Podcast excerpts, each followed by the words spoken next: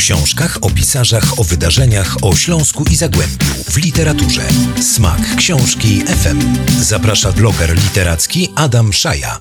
Kolejna niedziela, więc kolejne polecajki książkowe. Adam Szaja, kłaniam się nisko. Dziś będzie ciut kryminalnie, ale też trochę hutniczo. No, wiem, że nie brzmi to jak dobry miks, ale literatura nie takie rzeczy widziała. Zaczynamy od rzeczy kryminalnej, a mianowicie od Jakuba Ćwieka i książki Drelich, nim braknie tchu. Jest tutaj bardzo dużo Śląska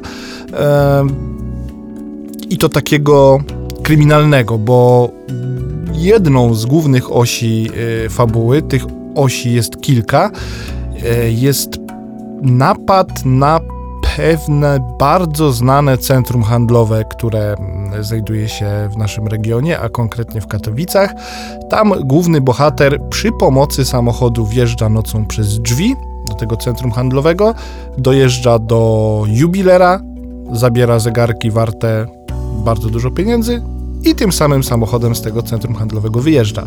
Jeśli wydaje się Państwu, że gdzieś słyszeliście taką historię, że była ona na przykład wiadomościach Radia Piekary, albo jeśli przeczytaliście o niej gdzieś w gazecie, to być może, być może jest coś na rzeczy, bo ta historia wydarzyła się naprawdę. Tutaj oczywiście jest to opakowane e, fabułą, jest e, kilka rzeczy, jak to w książkach e, zmyślonych, ale co jest ciekawe, Kuba ten research wykonał bardzo dokładnie, między innymi konsultując się z ludźmi, którzy prowadzą szkoły nauki jazdy, z jaką prędkością ten samochód powinien wjechać w te drzwi, żeby nie wystrzeliła poduszka powietrzna parę e, smaczków tutaj znajdziecie, ale żebyście nie musieli słuchać mnie cały czas, szanowni państwo, to yy, oddaję was w ręce Jakuba Ćwieka, który więcej o tej książce opowie, a my wracamy po krótkiej przerwie. Zawsze będę gościem z zewnątrz. To nie jest tak, że chcę się jakoś głęboko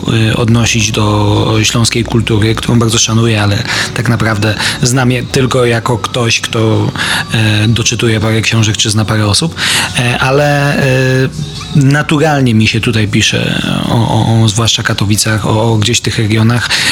Drelich i historia w nim zawarta, historia związana z budynkiem Silesia City Center, Mm, no to jest historia oparta na faktach. Nie usłyszałbym tego, gdybym gdzieś tam nie śledził lokalnej prasy. A, więc, więc ta drelichowość e, w Śląsku, śląskość w drelichu jest wpisana tutaj naturalnie. Smak książki FM. Smak książki FM.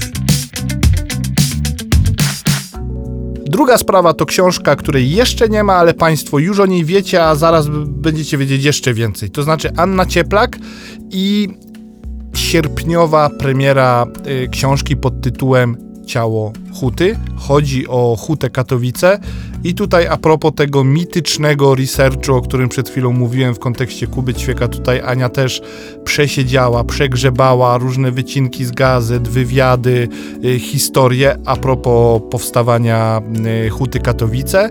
Bohaterki i bohaterowie tej książki oczywiście są związane i związani z tym miejscem.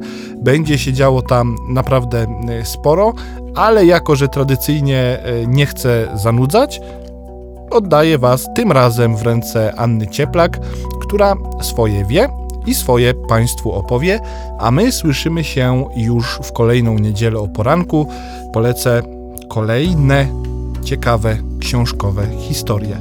Do usłyszenia, do zobaczenia, chociaż bardziej do usłyszenia. Huta jest wielkim, gdzieś tam symbolicznym organizmem, ale prawda jest taka, że ludzie, którzy ją budowali i z którymi też jakby rozmawiałam na ten temat i ludzie, którzy, nie wiem, wzrastali w Dąbrowie Górniczej, tak jak ja później, oni w jakiś sposób mają tą hutę w ciele, w takim znaczeniu, że y, ta pamięć gdzieś tam pracy, rytmu, przybudowania hucie gdzieś tam pozostała i oczywiście są to i ciężkie doświadczenia, ale też takie dobre i takie, bym powiedziała, mm, spajające społecznie, bo ta huta wywołuje bardzo pozytywne emocje wśród mieszkańców. Oczywiście nie tych, którzy e, doświadczyli różnych chorób związanych e, z, z, różnymi formami gdzieś tam ciężkiej pracy, bo, bo to jest jakby osobny temat, który też tam w książce się pojawia.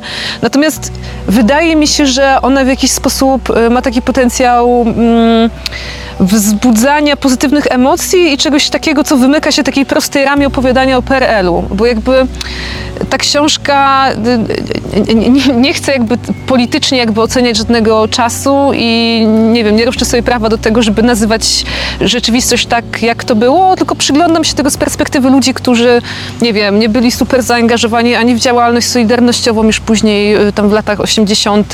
czy wcześniej. Właściwie skupiam się na takim spojrzeniu osób, które, nie wiem, pracowały na kuchni, były kucharkami.